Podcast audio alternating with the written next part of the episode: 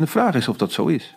Of uh, mensen met meer ervaring in de regel betere besluiten nemen. Veel tijd hebben voor een besluit niet noodzakelijkwijs altijd een beter besluit maakt. Vaak is het nemen van een besluit ook het start zijn om er nog eens even met elkaar over te hebben. We choose to go to the moon in this decade and do the other things. It's one small step for man, one giant leap for mankind. Now is the time to act. Now is the time to say yes we can. Welkom bij de 48e aflevering van de podcast over transformaties gesproken.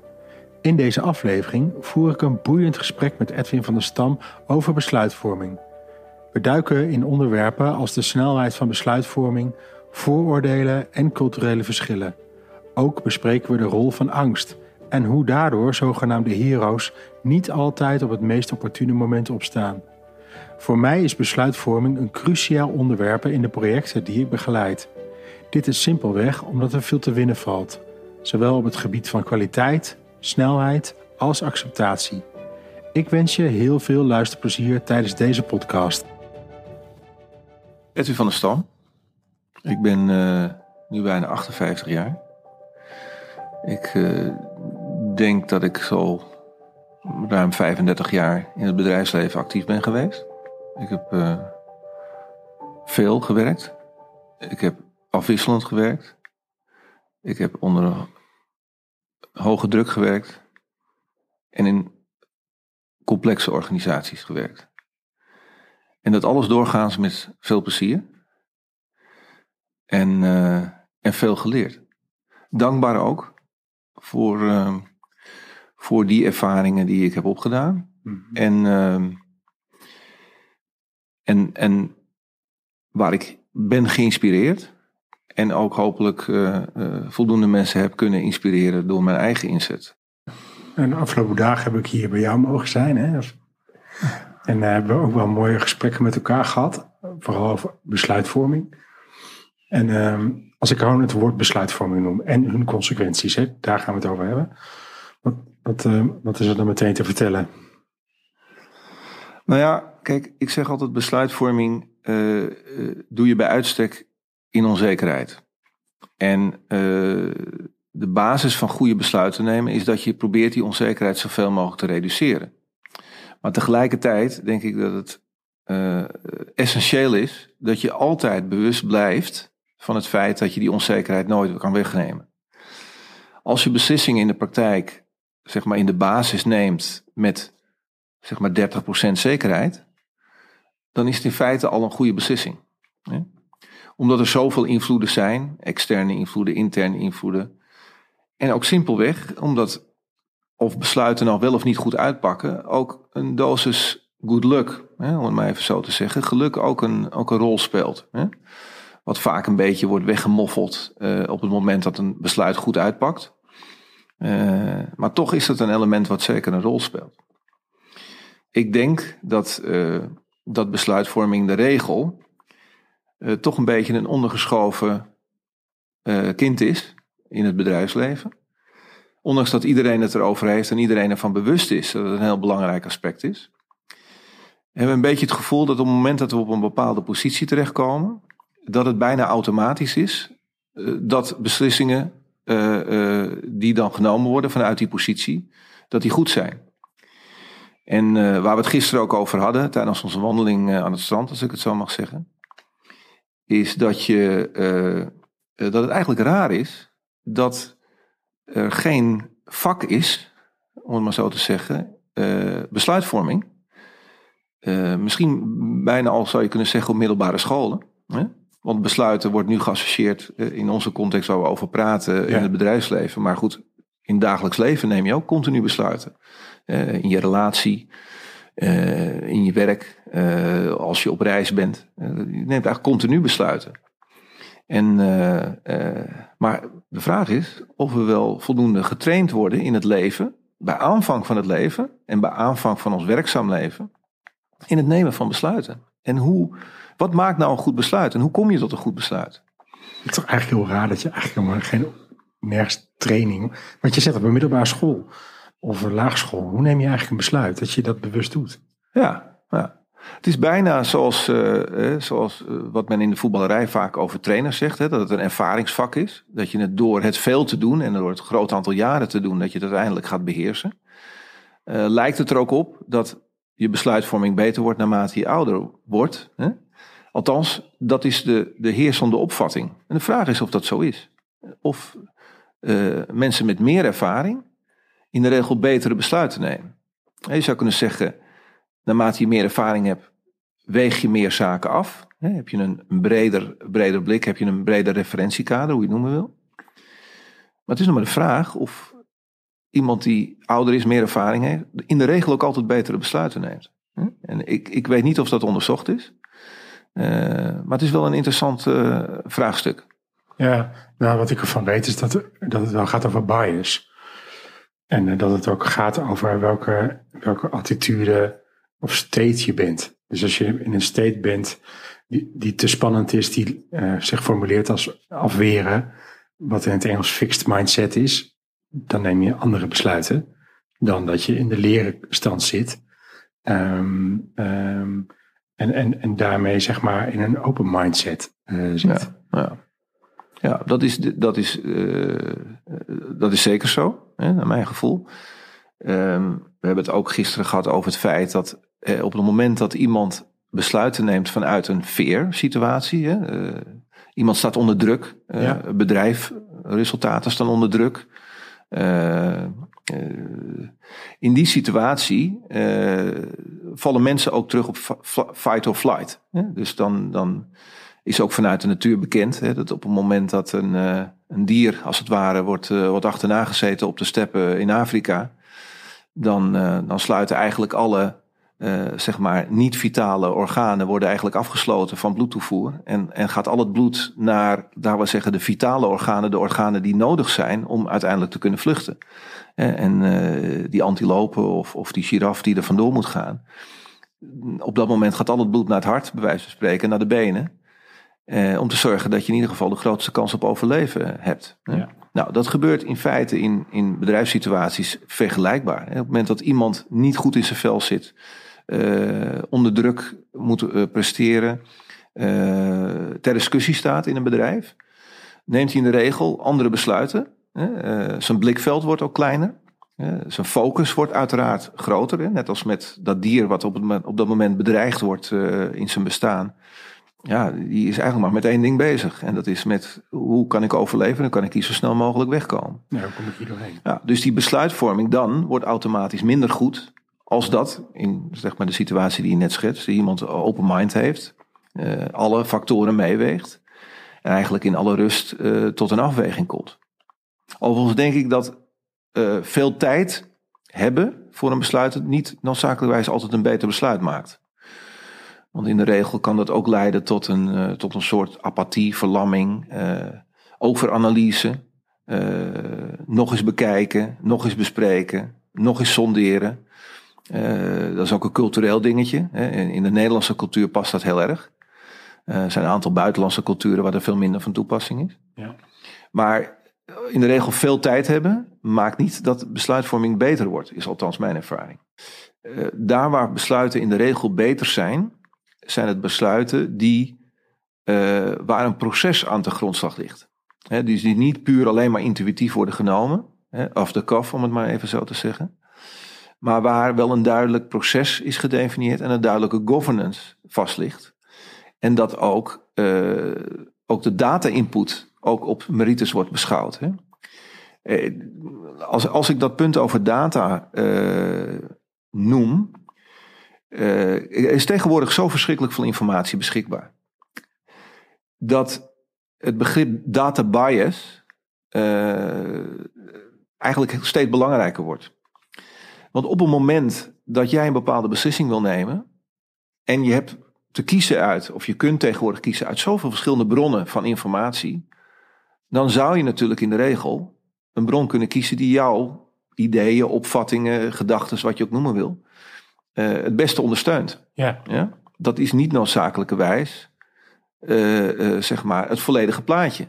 dus uit al die bronnen die tegenwoordig beschikbaar zijn, ter behoeve van besluitvorming, kan iemand bij wijze van spreken de beste bron kiezen. Of althans die data kiezen die het beste zijn verhaal ondersteunt. Of haar verhaal Ja, ondersteunt. dat is natuurlijk een bekend verhaal ook.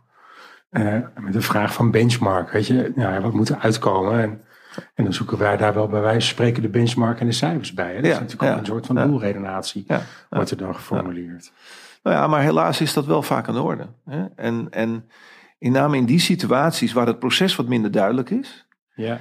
En waarbij, zeg maar, als het proces ondergeschikt is, dan staan vaak de heroes van besluitvorming op. In de regel, eh, eh, kijk, mensen die, die wat hoger opgeleid zijn, hè, eh, die kunnen vaak ook wat beter hun story formuleren. Hè. Die kunnen ook vaak goed, als het ware, hun besluit onderbouwen of uitleggen. Dat wil niet zo zakelijkwijs zeggen dat dat de beste story is. En dat het ook uiteindelijk tot het beste resultaat leidt. Hè? Dus op het moment dat het proces ondergeschikt wordt gemaakt. en de heroes kunnen opstaan. Die met hun argumentatie en overtuigingskracht. en, en confidence. en als je confidence noemt, zou je ook kunnen zeggen overconfidence in veel gevallen. eh, iets er doorheen drukken. met data die dat ondersteunt. ja, dus wel met het goede verhaal, maar niet met het goede besluit. Ja, ja, en de vraag is ook nog of dat dan wel echt het goede verhaal is. Ja, het, het goede verhaal, het klinkt goed Ja, voor hun. voor hun, precies. Ja. En waarschijnlijk ook voor degene die overtuigd wordt, klinkt het ook nog wel goed. Alleen op het moment dat er een proces, een duidelijk proces aan de grondslag had gelegen. en een duidelijke governance over had gelegen in termen van hoe komen we in dit bedrijf tot een besluit. En, en wie worden daarbij betrokken en welke data wordt erbij betrokken. En, eh, en welke scenario's beschouwen we dan met elkaar. En welke uitkomsten van de scenario's worden dan ook met elkaar besproken en gevalideerd. Eh, als dat proces en de governance minder duidelijk is, eh, dan, dan, dan is de kans dat zeg maar één of enkele personen besluitvorming hijacken, om het maar even zo te zeggen, Ja. is, is aanwezig. En dat kan tot goede besluiten leiden. Hè. We hebben het gehad over de situatie met Steve Jobs, die natuurlijk ongekend innoverend was. En, eh, en hele bijzondere dingen, eh, als het ware, aan de wereld heeft nagelaten. Eh, maar ook hij sloeg op een gegeven moment door. Hè? En, en dat heeft ook geleid dat hij op een gegeven moment ook ontslagen is uit zijn eigen bedrijf. Eh, eh, dus, dus heroes in besluitvorming eh, moet je wel voorzichtig mee zijn. En dus ik denk dat in de regel, mijn ervaring is dat, dat het belangrijk is om balans te creëren. Ik geloof heel erg in balans Ja. balans te creëren tussen een stukje intuïtie en, eh, nou, laten we zeggen, gut feel, hoe je het noemen wil. En toch een duidelijk proces hebben en governance daaromheen om tot besluitvorming te komen. En alles wat eromheen hoort aan randvoorwaarden rondom data, eh, bronnen van data en, en validering van, van data, eh, speelt een belangrijke rol. Ja. Ja, en zeg maar, de opdracht die ik doe, is, hoe, is de vraag hoe nemen jullie hier besluiten en hoe doe je dat? Is meteen een onderdeel. Hm. Dus als ik me bezig ga met de strategie, doelbepaling, maar ook met het team, kijk ik eigenlijk ook altijd naar hoe nemen jullie hier besluiten. Omdat ik vind dat dat strategisch is. Dat is van strategisch belang. Beter Hm. besluiten nemen dan een andere organisatie. Hm. Maar ik, ben me eigenlijk altijd, ik verbaas me eigenlijk altijd over wat ik dan terughoor, hoe mensen besluiten nemen en dat die dingen die jij net noemt eigenlijk niet aan de orde komen. Proces, governance, data, scenario's, uitwerken, besluiten. Nou, kijk. Ik, vanuit mijn ervaring denk ik dat als ik terugkijk op de situatie waar ik zelf bij betrokken ben geweest. Ik heb zelf lang ook in de boardroom gezeten. Dan denk ik die dingen die ik net heb genoemd en die jij als het ware herhaalt. eh, eh, eh, dat die allemaal wel een beetje aanwezig waren. Weet je wel? Maar, eh, maar nooit, zeg maar, manifest werden gemaakt. Hè? En dat eh, eh, het feit dat een besluit, het zij in een boardroom wordt besproken, hè, collectief, en dat we dan het gevoel hebben met elkaar dat we samen een besluit hebben genomen. in de praktijk gebeurt dat vaak niet. In de praktijk zul je zien, en dat zal ongetwijfeld ook jouw ervaring zijn, dat veel besluiten eigenlijk al genomen zijn voordat je de boardroom inkomt. Hè? eh, in de wandelgangen, in bilaterale gesprekken, eh, eigenlijk als zijn voorgekookt. Ook dat is gedeeltelijk cultureel bepaald. Hè. In, de, in de Nederlandse cultuur zit dat heel erg opgesloten. Uh, maar zelfs in hiërarchische culturen waar ik heb geopereerd, de Anglo-Saxische cultuur, Duitse cultuur, België, ga zo maar door. Er zijn een heleboel culturen waar toch hiërarchie een, een belangrijke rol is. Ook daar worden veel besluiten, ook in de wandelgangen, in bilateraaltjes, overleg al genomen. Ja.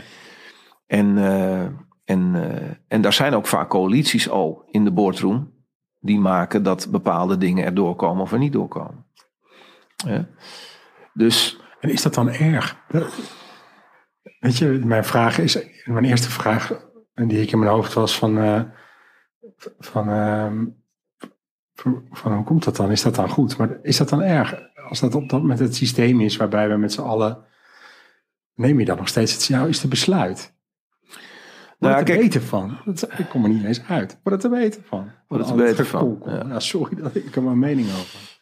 Nou, kijk, het, het, is natuurlijk in zekere zin strijdig met wat we in het begin van het verhaal uh, bespraken met elkaar. Dat je zegt dat het beste is om een duidelijke governance te hebben, een duidelijk proces te hebben, transparantie te creëren rondom besluitvorming, uh, helderheid te hebben over de bronnen die je daarin raadpleegt en, en de scenario's ook goed worden doorgeakkerd in termen van wat zijn de consequenties nou van ieder scenario van besluit. Hè?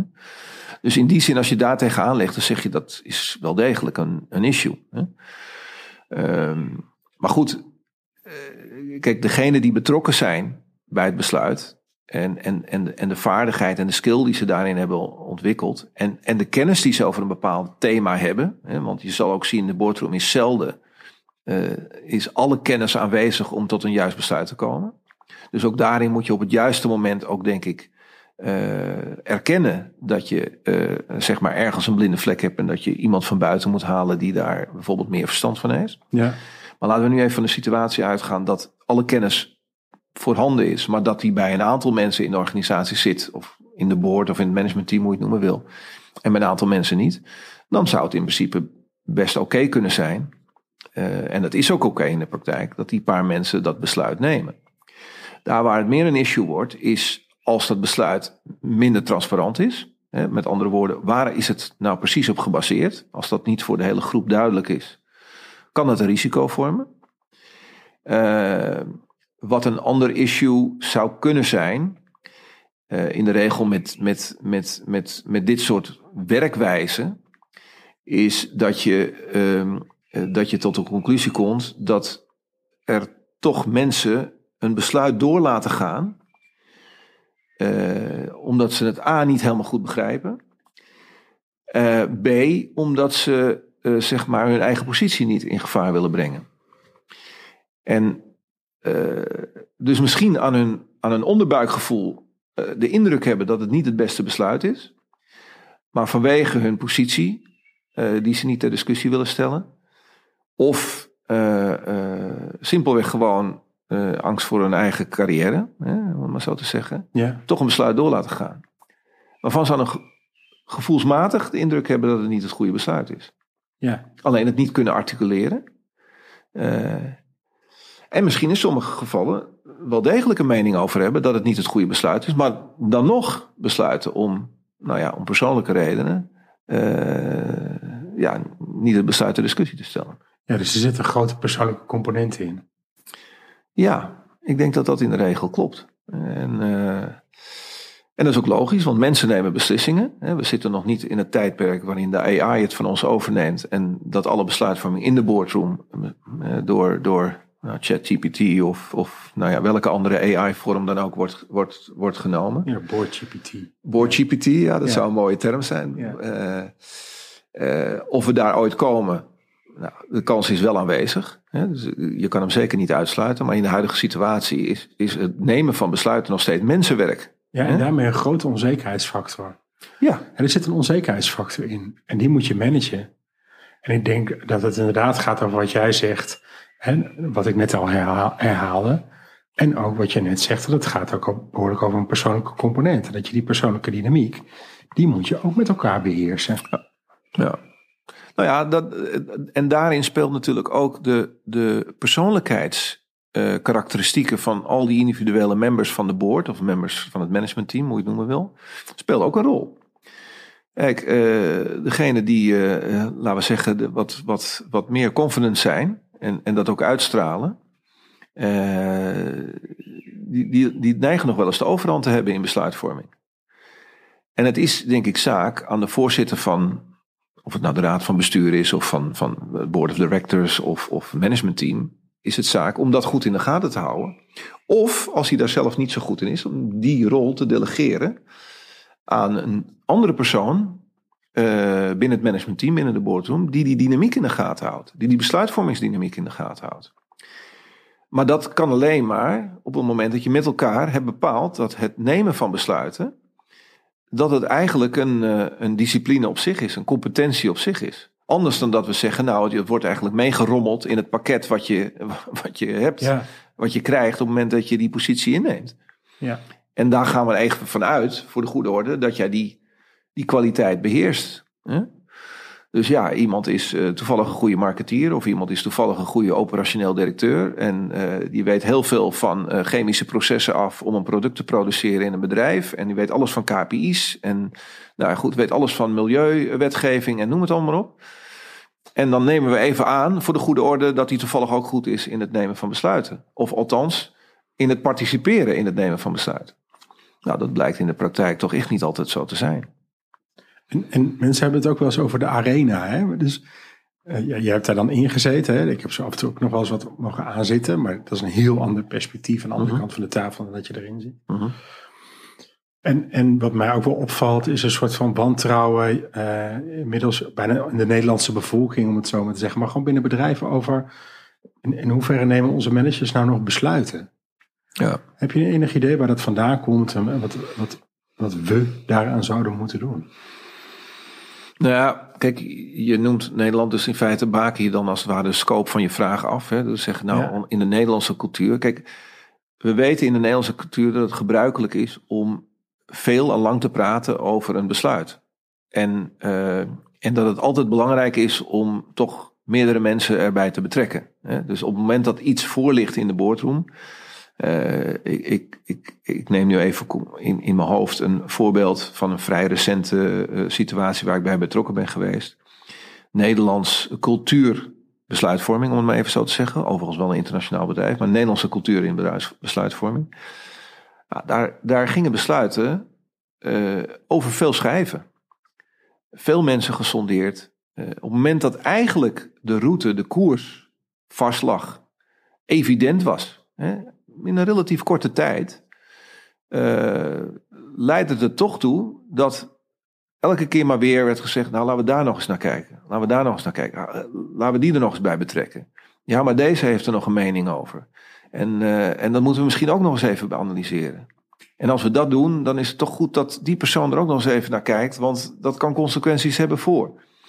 Met andere woorden, iets wat feitelijk.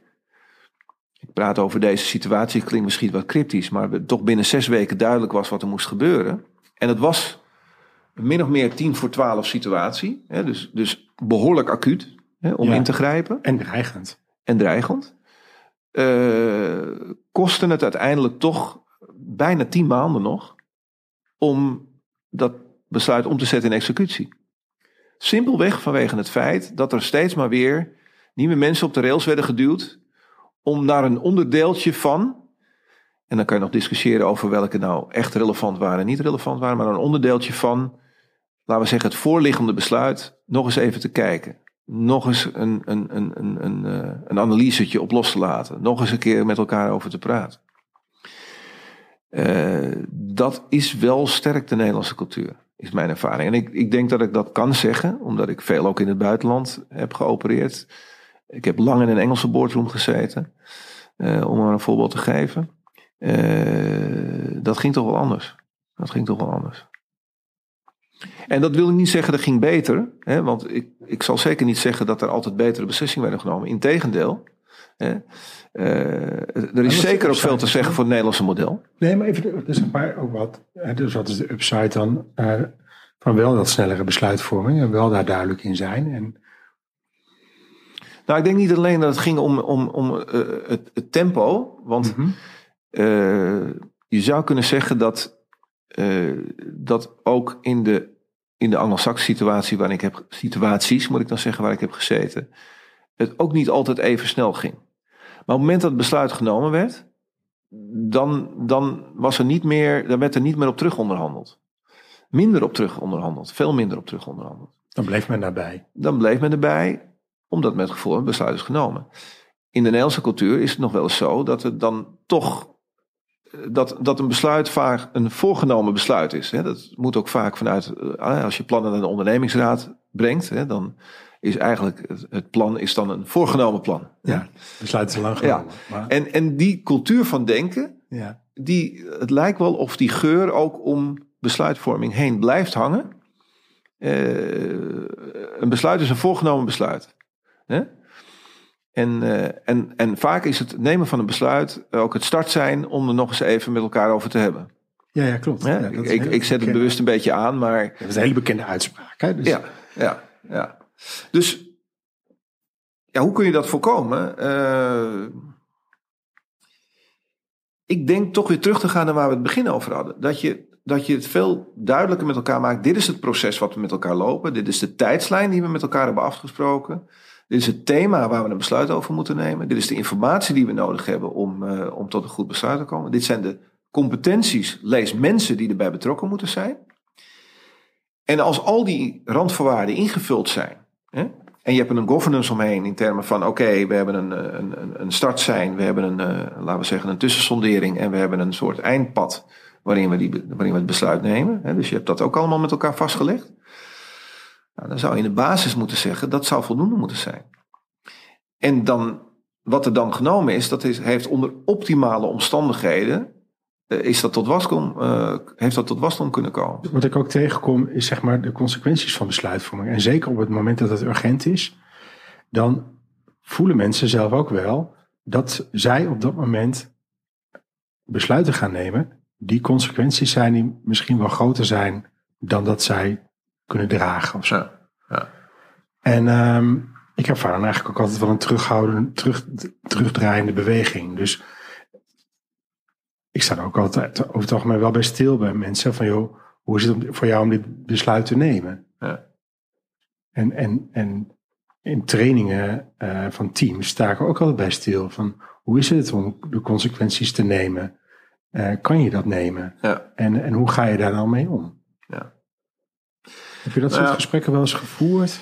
Uh, te weinig, zeg ik naar alle eerlijkheid. Maar ik denk ook dat, kijk, als je het hebt over consequenties, uh, dan zijn die in een laboratoriumsituatie vaak nog wel te bespreken. Ik noem het bewust zo, omdat op het moment dat je tot een besluit komt en zeg maar de aanpak van jou zou kiezen, dat zeggen, nou, eh, je neemt nu een besluit, maar ben je ook bewust van de consequenties die dit besluit met zich meebrengt? En als je die dan vervolgens ook schetst, hè, dan, dan zal je zien dat, dat 9 van de 10 keer mensen zeggen, nou maar goed, ik begrijp die consequenties en ik blijf bij dit besluit. Het is een goed besluit. Hè? Dus tot zover gaat het goed, zou je kunnen zeggen. Hè? Maar nu gaat het besluit in uitvoering komen. En dan blijkt natuurlijk de praktijk toch altijd anders te zijn dan wat je met elkaar hebt bedacht. Dus op het moment dat je het besluit gaat uitvoeren, de omgeving verandert, de omstandigheden veranderen. Ja? En dan, dan is het natuurlijk wel zaak om rustig te blijven. Want op het moment dat degene die het besluit hebben genomen, waar jij dat gesprek mee hebt gevoerd van, ben je ook bewust van de consequenties, die twee, drie maanden later zien dat die consequenties toch echt vorm beginnen te krijgen en, en, en, plotseling ook heel dichtbij komen. En dan ontstaat de twijfel. Want, ik bedoel, kijk maar naar je eigen persoonlijke leven. Soms neem je een beslissing in de volle overtuiging. En je bent een week verder, twee weken verder. En komt toch een momentje van twijfel. Heb ik wel een goede besluit genomen? Hè? Omdat er iets, een omstandigheid verandert, waardoor je denkt. Hey, ik noemde eh, eerder het voorbeeld uh, buiten dit interview uh, waarin we uh, binnen een bedrijf een belangrijke beslissing hadden genomen ten aanzien van pricing. Een, een, een, iets gingen invoeren in een bedrijfstak wat nog nooit was gedaan.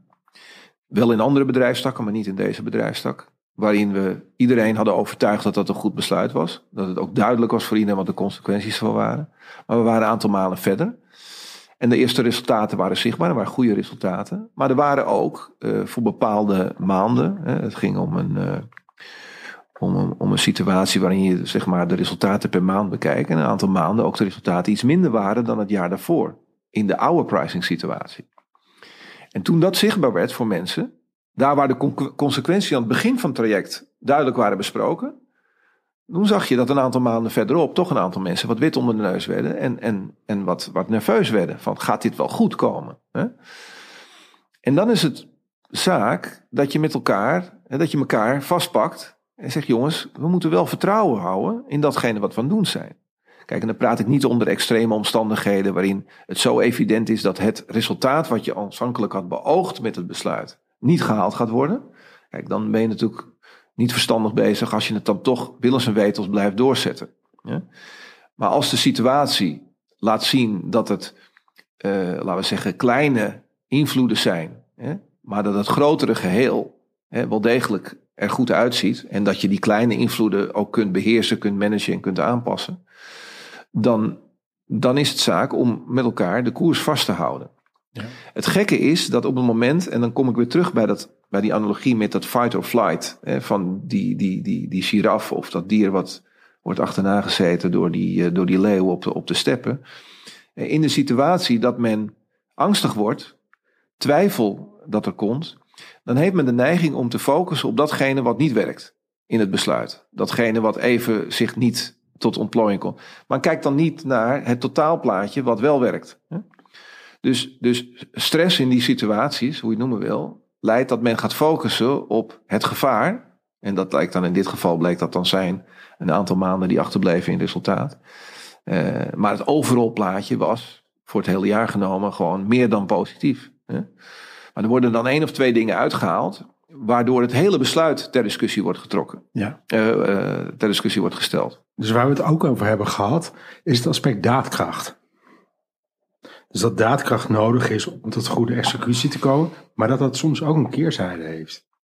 Dus men komt vaak op een positie en vindt dan dat men heel veel daadkracht moet uitstralen. En die daadkracht is vaak, uh, dat, dat wordt gezien als de exponent van veel besluiten nemen. Dus iemand is daadkrachtig als hij veel besluiten neemt. Het probleem is dat als je in zo'n modus terechtkomt, waarin iemand zeg maar wil bewijzen dat hij heel daadkrachtig is in die positie. En dat gebeurt vaak in situaties dat men ter discussie staat. Of misschien niet helemaal meer op zijn plek zit. Of de organisatie aanvoelt, niet helemaal vertrouwt de persoon die daar zit in de beslissingen die die neemt. Of niet neemt, hè? dat kan ook. En die persoon begint dat te voelen. Die gaat dan proberen over te compenseren, om het maar zo te zeggen, door te laten zien dat hij heel erg daadkrachtig is en veel besluiten neemt. Hè? En waar ik naartoe wilde, is dat in die situatie het risico ontstaat dat er verkeerde besluiten worden genomen, die misschien door goede executie een beetje worden verbloemd, doordat de mensen toch dat zo interpreteren dat ze het toch nog werkbaar krijgen. Ja? ja? Alleen dat het uiteindelijk gewoon toch niet goed werkt. En dan ontstaat er een stukje consequentie veel verder down the line die niet meteen zichtbaar is, die niet de eerste maand zichtbaar wordt, die niet de eerste zes maanden zichtbaar wordt, maar die ook niet de eerste twaalf maanden misschien zelfs, maar na een jaar, twee jaar wel zichtbaar wordt. En ook daarin komen we weer terug bij het begin, dat een proces rondom besluitvorming absoluut essentieel is. Alleen naarmate een organisatie kleiner is, is het moeilijker. Want dan hangt vaak het nemen van besluiten, beslissingen, aan één of twee personen. Ja, toch die heroes weer. Sorry? Toch weer die heroes. ja, dan komen de heroes natuurlijk toch weer uh, boven, bovendrijven. Die overigens ook in hele grote corporates ook een belangrijke rol kunnen spelen. Ik hoef de namen niet te noemen, maar ik denk dat we er zo een stuk of vijf kunnen opnoemen. Die, uh, die, die zichtbaar hun stempel hebben gedrukt. En niet altijd in positieve zin op het rijden en zeilen van een, uh, van een organisatie. Ja. En het gekke is, ondanks dat ze om hen heen buitengewoon capabele mensen hebben. maar die toch niet voldoende inzetten en gebruiken om tot goede besluitvorming te komen. Ja, ik, blijf dat een boeiend fenomeen vinden. Hè? Dat iemand het zo ongelooflijk naar zich toe trekt en niet in zijn team eh, gaat staan, maar ja, een soort van uh, gewoon besluiten willen nemen. En, ja, bij een soort van disconnect komt, uh, misschien wel zelfs van zichzelf. Ja, ja. Maar dat zijn toch vaak in situaties, uh, dat zijn vaak situaties die ontstaan hè, doordat mensen onder druk komen, ter discussie komen te staan, resultaten tegenvallen. En, en dan eigenlijk hun reputatie proberen te managen. En, en, en eigenlijk in die situatie wat je zou willen is dat die mensen een stapje terug maken. De situatie overzien. En proberen toch van daaruit weer uh, rust en ruimte te creëren om tot goede besluiten te komen. Ook daarin kom je weer terug op die fight-or-flight reactie. Dat het tegendeel eigenlijk gebeurt. Dat de mensen zich afsluiten voor een omgeving minder gaan sonderen, meer gaan focussen hè, vanuit die stressreactie van fight or flight op het probleem wat voor ligt. En dat kan een bedreiging zijn van hun persoonlijke positie, maar ook een bedreiging van het bedrijf waarvan zij van overtuigd zijn dat zij de redder des vaderslands zijn. Ja. ja, dat zijn situaties die, uh, die heel moeilijk zijn om, om te managen. Daar waar het managementteam of de board collectief die mensen de ruimte geeft om dat te kunnen doen. Ja. En hoe dat gebeurt, ja, dat heeft vaak met de dynamiek in de boardroom te maken. En de onderlinge afhankelijkheden, loyaliteiten, hoe je het noemen wil, uh, die, er, die er zijn, die maken dat dat ook kan gebeuren. Uh, dat is denk ik een aparte discussie. Zijn er nog onderwerpen waar we het over moeten hebben? We hebben echt nog veel meer wandelingen gedaan. Maar dat ging over hele andere dingen.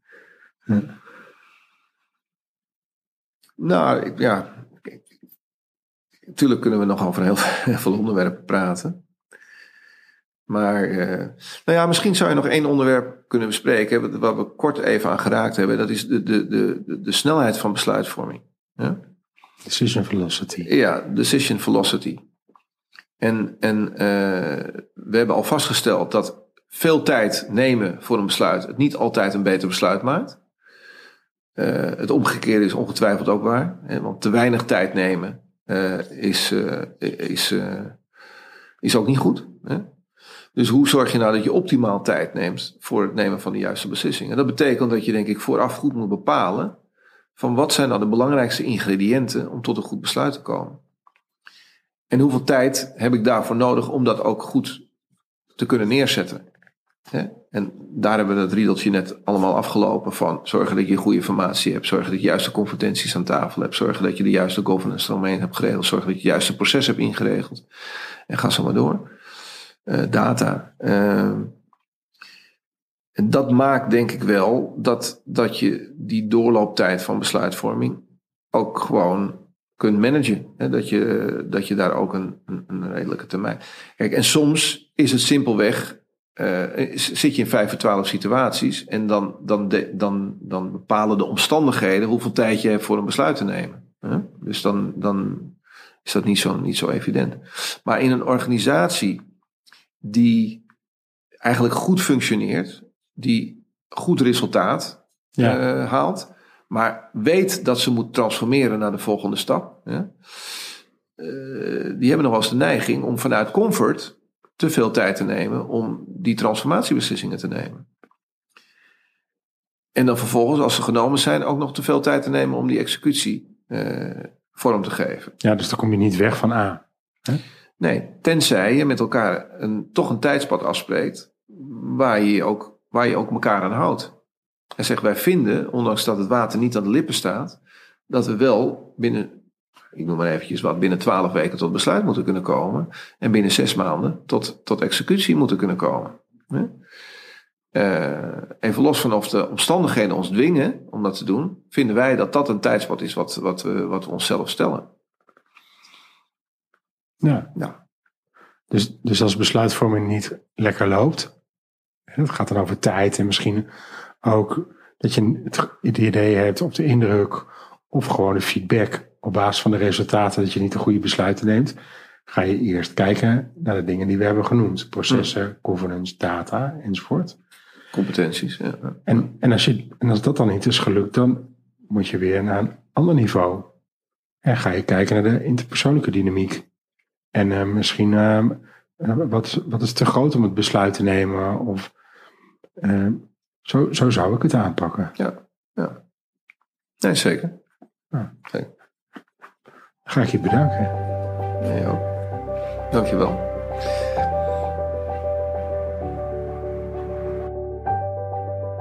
Zo zijn we weer aan het einde gekomen van een nieuwe podcast.